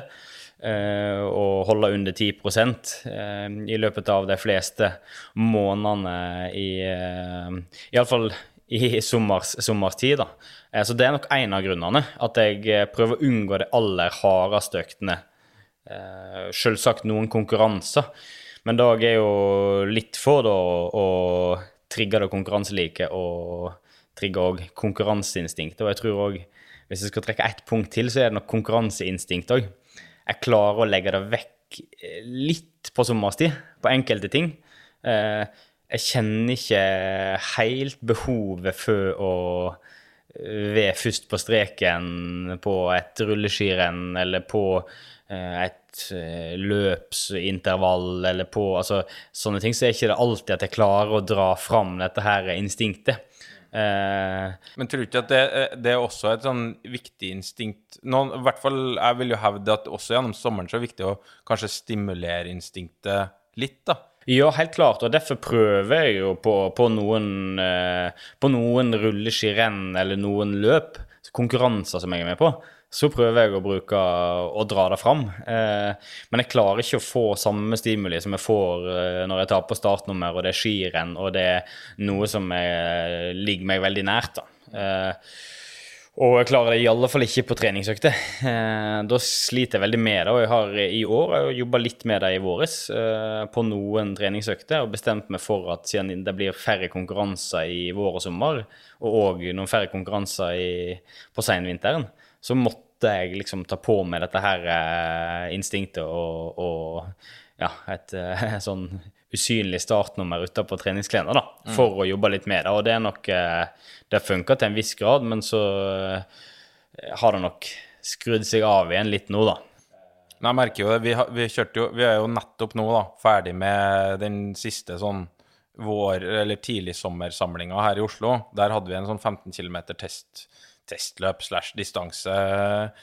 Og da merka jo jeg på start at du var mer konsentrert da enn om, du hadde, om vi hadde kjørt ei eh, f.eks. fem ganger ti-økt, vanlig intervalløkt. Så at du Jeg tror jo at du har evnen til å skru det litt sånn på. Ja, og det er nok, det er nok rett. Jeg, jeg velger meg nok ut noen økter. Og spesielt i år, med den sesongen som er, så er det nok noen økter der jeg, jeg, jeg eh, gir, det, gir litt mer av det, da. Det er det. Og så tror jeg nok, hvis jeg skal si et punkt da på det der, selv om det er du som skal få svar på det her, Sjur, så tror jeg jo at du har en teknikk som også er mer Eller som er bedre på ski enn den er på rulleski. Og du, du har jo vært inne på det sjøl òg, at du er 1,71,9. Altså, du, du er ikke Det er begrensa hvor mye muskler du får på kroppen din. Og rulleski er, er mer ei styrkeøvelse enn Eller en 15 km på rulleski, da. Er mer en styrkeøvelse enn en 15 km på ski, som, der det tekniske aspektet er enda viktigere, da. Ja det, det er nok helt klart òg at den styrkebiten i det er veldig viktig. Og jeg kunne Det er nok òg litt forskjell på skiteknikk og rulleskiteknikk, på hva som går fortest. Og, og hovedmålet mitt er å gå fort på ski, og derfor prøver jeg òg å, å tilstrebe mest mulig lik teknikk på rulleski som jeg går på ski, da. Eh, og det Nei, det er helt, uh, helt rett. Den tekniske biten er nok uh, Du som alle har jo vært kalv. Du har jo vært junior, og tydeligvis så er det mye unge, lovende skiløpere som hører på denne podkasten. I hvert fall har vi fått mye spørsmål om hvor, hvor mye du trente som junior. Eh, litt på Trodde du at du skulle bli god på ski? Eh, hvor god var du? Etc. Og, og litt den overgangen inn i senior, hvordan, hvordan den var for deg? Ja, jeg var på juniorlandslaget to år. eh, og- Da var du ganske god, med andre ord. Ja, så jeg var ganske god. Før da så var jeg jo om mulig enda mindre og lavere enn jeg er nå. Eh, Så jeg eh, hang jo litt etter mot et par av disse her som var litt større og sterkere enn meg i tidlig junioralder og, og, og før da i hovedlandsrenn og sånt. Eh, Men, men inn som junior så, så følte jeg vel egentlig Jeg hadde hele tida true på at jeg skulle bli en av verdens beste skiløpere. Det hadde jeg liksom, det lå inni meg en eller annen plass, men det var aldri sånn at jeg eh, jeg, jeg var ganske, og er ganske beskjeden, så jeg dro ikke det fram hver morgen i speilet og, og, så, og sa til meg sjøl at jeg skal bli verdens beste skiløper. Men det har nok ligget der en eller annen plass. Eh, og så kom jeg som junior, eh, og på juniorlandslaget så trente jeg 570 timer. Eh, på juniorlandslaget begge årene, for så vidt. Og det er jo de to siste årene som junior. Og presterte egentlig ganske bra som junior med det. Eh, prøvde meg i noen seniorrenn og så at jeg var ekstremt langt bak. Eh, og da begynte jeg å lure. Det var først da, eh, som siste års junior, at jeg begynte å lure på om Eller jeg var ganske sikker på at jeg blir ikke god som senior, for det er altfor langt fram. Eh, og da måtte jeg jo da se Da begynte jeg å tenke hvordan skal jeg komme meg Hvordan skal jeg hente disse her to minuttene som er fram til det aller beste som seniorløpere. Eh, og ja Hovedfokuset mitt kan jeg vel egentlig si har vår teknikk. Eh, jeg veit og ser òg både nå og mange år jeg har sett hvor viktig teknikk er. Du skal trene ganske bra i ganske mange timer for å bli bedre, få bedre kapasitet og, og, og bli sterkere og sånt, kontra å lære deg å gå godt teknisk på ski. Mer effektivt. enda mer effektivt, få mer kraft ut av hvert skyv, eh, nytte terreng, eh, lære deg å lese når skal en slå om, hvordan skal en jobbe, hva slags teknikk skal en bruke i de forskjellige terrengene og, og sånn. da. Det har vært eh, en kjempelæring for min del, eh, og jeg bruker det fortsatt. Eh, Men som, som junior til overgangen til senior, så er nok da en av de viktigste tingene den tekniske biten, og da òg kombinasjonen av eh, å kjenne etter og, og se på hvordan jeg gjør ting sjøl. Eh, eh, og da gjøre ting både rett og feil begge veier for å se forskjellene. Hvis jeg skulle Jeg gikk veldig smalt en periode, ta et eksempel, med armene veldig smalt. Og da var, øvde jeg på å gå enda smalere. Og så øvde jeg på å gå veldig stort, og så finner jeg en middelvei som passer bra. Og jeg så veldig mye på andre løpere. Eh, nå er det jo ekstremt med klipp ut på internett som går an å se på hvordan folk går på ski. Eh, der snappa jeg opp mye. Eh, diskuterte mye med trenere. Diskuterte veldig mye med andre løpere. Mm. og det er jo en sånn ting en ser, en er jo treneren, han ser en som regel på stadion eller eh, et par ganger i veka, mens treningskompiser de er en i lag med hele tida. Eh, og bare å klare å skape en sånn mentalitet i gruppa eh, Vi gjorde det allerede som junior på, på gymnaset jeg gikk.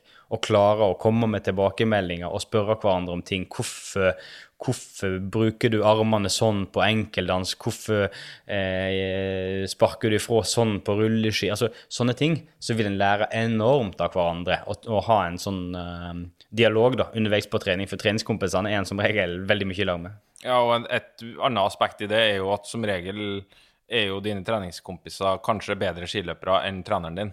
Eh, sånn er det jo i dag òg på landslaget. at Han treneren deres er den dårligste skiløperen på det laget. Ja. Sånn at det, dem du da diskuterer med internt der, så fremt du har en delingskultur, da, at alle er dønn ærlige på nærmest hva er det du trener, hvorfor gjør du det, hvorfor går du sånn, hva er det du tenker på når du går den bakken her fortere enn noen annen gjør, eh, etc. Hvis du har en delingskultur, så, så eh, deler du en hemmelighet, så får du ni tilbake. Og, og det er et jækla viktig poeng, tror jeg, da. For en trener, som du sier, han kan eh, Går du en fem kilometer i Kollen, så er begrensa hvor mange plass jeg kan se deg.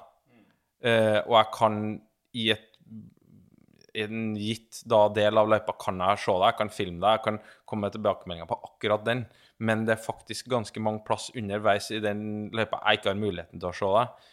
Farten du har i ulike ting, har jeg ingen Jeg har ikke noen mulighet til å og, og jeg kunne selvfølgelig ha målt det og, og se på det i ettertid, men underveis i økta så har du kanskje noen som går sammen med meg, som kan si den farten du har her, er altfor dårlig. Jeg henger altfor lett på deg, mens den farten du har der, er Da sliter jeg med å henge på deg. Sånne ting tror jeg er jækla viktig, da. Ja, helt enig. Og jeg tror jo dette her med, som du sier, med en trener Har du noe spesifikt du jobber med? At uh, du skal gå med større bevegelser i enkeldans til dømmes, så er det veldig greit å ta tak i med video og, og preppe og, og gå gjennom gang etter gang. Eh, men, men har du altså generelle ting, da er veldig lett å snappe opp i lag med treningskompiser. Så eh, som iallfall har gjort veldig mye for min del. Og, og den, akkurat den overgangen til senioralder, så eh, er det iallfall veldig fort Og det er veldig mye lettere i den alderen som junior å endre på ting enn når en har bikka 30 og skal, jeg plutselig nå skal lære meg å gå diagonalgang i klassesporet. Det er ikke så lett, men eh, ja. Nei, men det kan jo Til den dagen du skal gå veteran-VM, så kan det hende det har løst seg, det òg. Som toppidrettsutøver så er det jo ganske mange puslespillbiter som skal på plass. Eh, ikke bare skal treninga funke, eh, mentale, som vi har vært inne på, skal, skal være der. Eh, kosthold er jo en del av det her. Det har vi fått masse spørsmål om, om du har noe spesielt fokus på kosthold, om det er noe noen spesielle ting du spiser før skirenn. Nå, tar jeg veldig mange spørsmål inn i ett her. Men hva er ditt forhold til prestasjon og kosthold? Ja, jeg kan jo begynne med årstida vi er inne i nå. Eh, fra egentlig vi går vårt siste skirenn og fram til vi nærmer oss eh, høst, egentlig, eh, og september-oktober, så er jeg egentlig jeg er opptatt Da har jeg et fokus og er opptatt av å få i meg nok mat, men òg ete egentlig akkurat det jeg har lyst på. Mm. Eh, har jeg lyst på eh, noe spesielt, om det er til middag eller om det Toppris, for eksempel. ja, for eksempel toppris, som er da min eh, favorittsjokolade. Så tar jeg den topprisen. Da, da er det helt greit. Eh, Jeg har ikke noe som helst problem med å verken ete eller drikke akkurat det jeg har lyst på i den perioden. Da trener så mye at det er jeg ikke så bekymra for. Når vi nærmer oss vinter, og spesielt om vinteren, så er jeg veldig fokusert på å enda mer fokusert òg enn i treningsperioden på å få i meg mat rett etter Eller næring, da. Rett etter trening. Uh, og ja, litt mer, opp, litt mer opptatt av å holde igjen litt på godsakene, da. Eh, ikke noe problem med å ete sjokolade og, og kose meg i, i uh, vinterhalvåret heller, liksom. Eh, Men fokuset er på at jeg skal få i meg den maten jeg trenger. Og når jeg sier det, så kan jeg jo til frokost Jeg er veldig enkel. Det er som regel tre brødskiver med brunost og jordbærsyltetøy. Mm.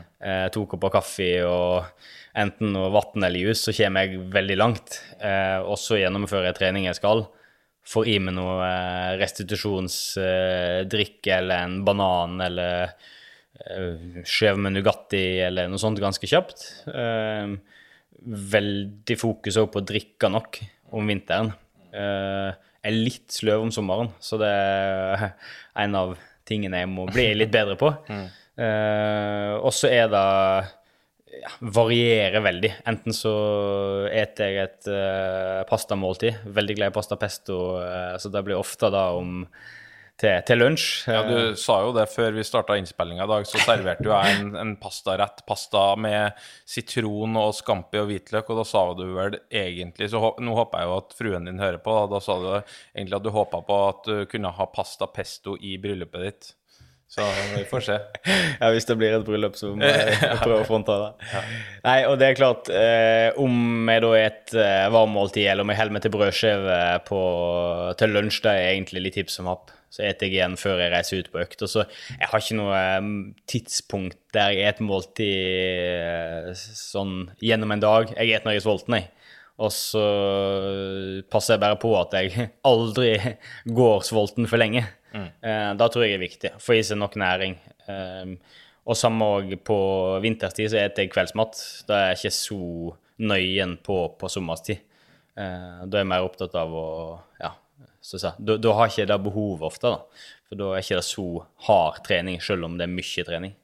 Hele poenget for din del, sånn som jeg opplever, er du er jo veldig opptatt av at du skal ha Du må ha nok bensin i kroppen til det du skal ha, så du er jo opptatt av å, å få i deg nok mat, da. Ja da, og det er liksom Jeg føler jo òg at eh, spesielt om sommerstid så trener vi såpass mye, og kroppen er så eh, blir så mørbanka at jeg er nødt å fylle på det, det er ingenting jeg spiser eller drikker som er feil, liksom. Alt, eh, alt er egentlig på plussida. Eh, på vinterstid ett knepp mer fokusert på at jeg eh, er enda raskere å få i meg mat etter trening eller drikke.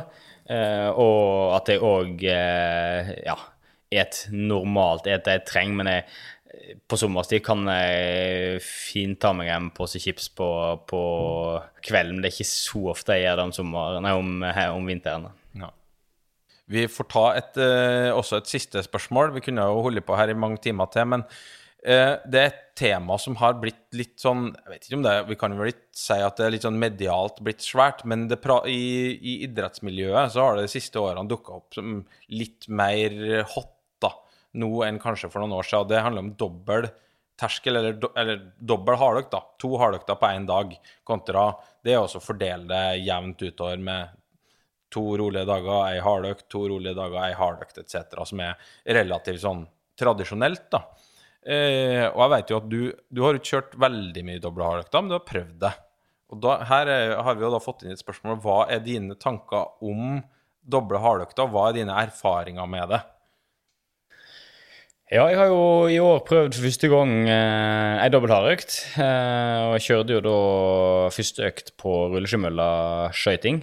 Eh, fire ganger ti minutter. Ganske sånn kontrollert. Eh, Og andre økt klassisk ute, eh, motbakke på firerhjul, litt mer motstand, eh, for å få brukt beina på diagonalgang ganske mye.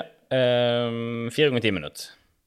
Eh, og følte vel Altså hovedgrunnen til at jeg gjorde det, var for å, å prøve det ut. Eh, og få danne meg et bilde av hvordan dette her funka for min del. Eh, og jeg kommer nok til å gjøre det videre òg, for å klare å bygge meg et eh, bredere bilde enn bare den ene gangen der det er flere faktorer som kan spille inn. da. Eh, men hoved... eh, det som jeg sitter igjen med, da, er nok at eh, jeg fikk ganske høy puls på andre økte kontra på første økte.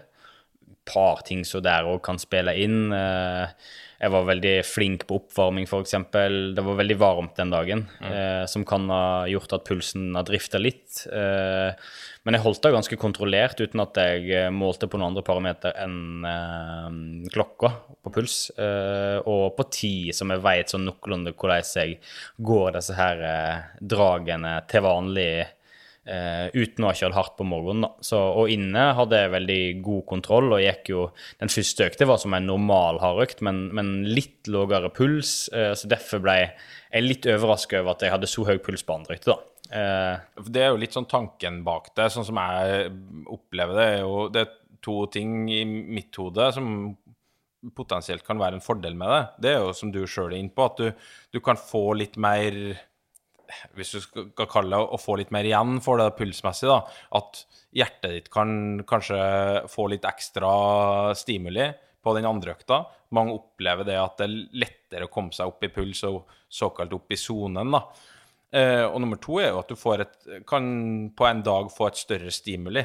Trening funker jo på det viset at du, når du trener, så bryter du kroppen ned, og så gir du en restitusjon, og så er tanken at du da i andre enden kommer ut på, på et høyere nivå, da. Og det her kan jo være med på å da bryte deg litt mer ned, og potensialet da for å bryte deg, eller for å bygge deg da enda høyere opp i andre enden, er større. Så fremt at du gir kroppen nok restitusjon, da. Ja, og, og da tror jeg nok er en eh, god effekt av det. Eh, det som jeg er litt eh, En av grunnene til at jeg eh, kan komme til å gjøre det mer, er jo mengdemessig. At en kan eh, samle hardøktene litt mer, eh, og da få enda mer tid til å trene mengde. At eh, en dagen etter dobbel hardøkt, ta det litt mer normalt rolig, og så kan en legge inn en god periode, en lengre periode i stedet for to-tre dager. Så kan en ta en øh, ja, opp i en, øh, en god uke med mengde, og kun mengde. Og så skru ned eh, en dag og to igjen før en lager en ny dobbelthardøkt. Altså i stedet for å liksom gå i den vante tralten. Så da tror jeg er et punkt, er et punkt. Og så tror jeg òg den mentale biten i det at uh, en vil nok være enda litt mer fokusert før hardøktene. Hvis en har to på en dag. En er enda litt mer fokusert på å være den rette holde den rette farten og rette intensiteten, sånn at en ikke blir for gira og får ei, det jeg kaller ei dårlig hardøkt hvis en går seg stiv for tidlig og farten detter ned. Eh, og så er det jo litt igjen tilbake igjen til det eneste som jeg òg er litt usikker på, er denne biten med mm, å komme i form. Eh, jeg tror nok fort at har en ei dobbel hardøkt for ofte, så tror jeg sjansen er der for at en kan pike litt i formen, og da den berømte ballongen som jeg ser for meg at jeg blir luft inn i hver eneste gang jeg trener, så slipper jeg ut litt mer eh, med dobbel hardøkt enn hvis jeg kjører den jevne tralten. Eh, Ja, dere er jo sånn veldig interessante refleksjoner, da, som uh, Vi har jo, eller jeg har jo utøvere på laget, dine lagkompiser, som Det er flere av dem som har kjørt det ganske mye, og som føler de har hatt god effekt av det. Uh, har gjort det ganske mye i sesonger der de har gått ganske fort, men det er jækla viktig at dere som utøvere kan teste sånne ting, gjør, gjør seg deres egne refleksjoner på om er det her for meg, eh, eller er det ikke det. Eh, for at jeg er jo det, det du er inne på her, da, med den polariseringa, at du da i ettertid kan kanskje prioritere mengde. Jeg er jo veldig opptatt av mengde, og det, rolige treninger. Jeg er jo kanskje av dem som og det kan være feil òg, som mener at mengdetreninga er, er noe av det som dere bør si er deres favorittøkt. Hvis jeg hadde spurt om det, så bør det være mengden. Jeg tror det er det som er noe av det viktigste vi gjør. Men, og at du da kanskje kan prioritere det i større grad. Jeg tror kanskje det er en av de viktigste effektene. da. Ja, og så tror jeg akkurat det som sier meg at eh, det er viktig at en prøver, da. Altså la utøverne få, få teste. Eh, det er ikke så altfor mange år siden at uh, jeg begynte å stake veldig mange lange turer og prøve det. Og det var fordi at jeg så at ok, noen av de beste har uh, utvikla seg veldig med å stake lange turer. Og da vil jeg prøve det, for jeg- min oppfatning av det. Akkurat samme gjelder med dobbeltharøkt òg. Jeg tror det er veldig viktig å få lyttere. Det trenger ikke vi helt ned i yngste Nei. hovedlandsrenn, men når en kommer opp i, i, mot senioralder, og, og iallfall i senioralder, så kan det være interessant å, å prøve da, og se om en kan ha noen effekt av det. Ikke da bli altfor farga av eh, lagkompisen som har eh, hatt dobbel hardøkt og flyr på neste intervalløkt, eh, men, men heller ha fokus på om jeg responderer bra på økter og gjøre seg en eh, oppfatning av hva en sitter igjen med til en sånn økt.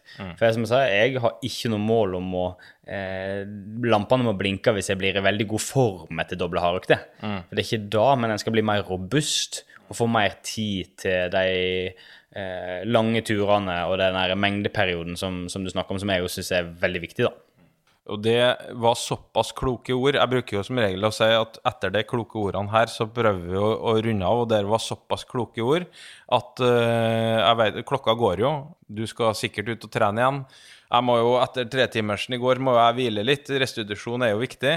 Så tror jeg vi sier takk for laget til deg, Sjur. Det har vært uh, utrolig stas å ha deg med i, i denne podkasten. Utrolig lærerikt. Som vanlig så uh, følg oss gjerne i sosiale medier.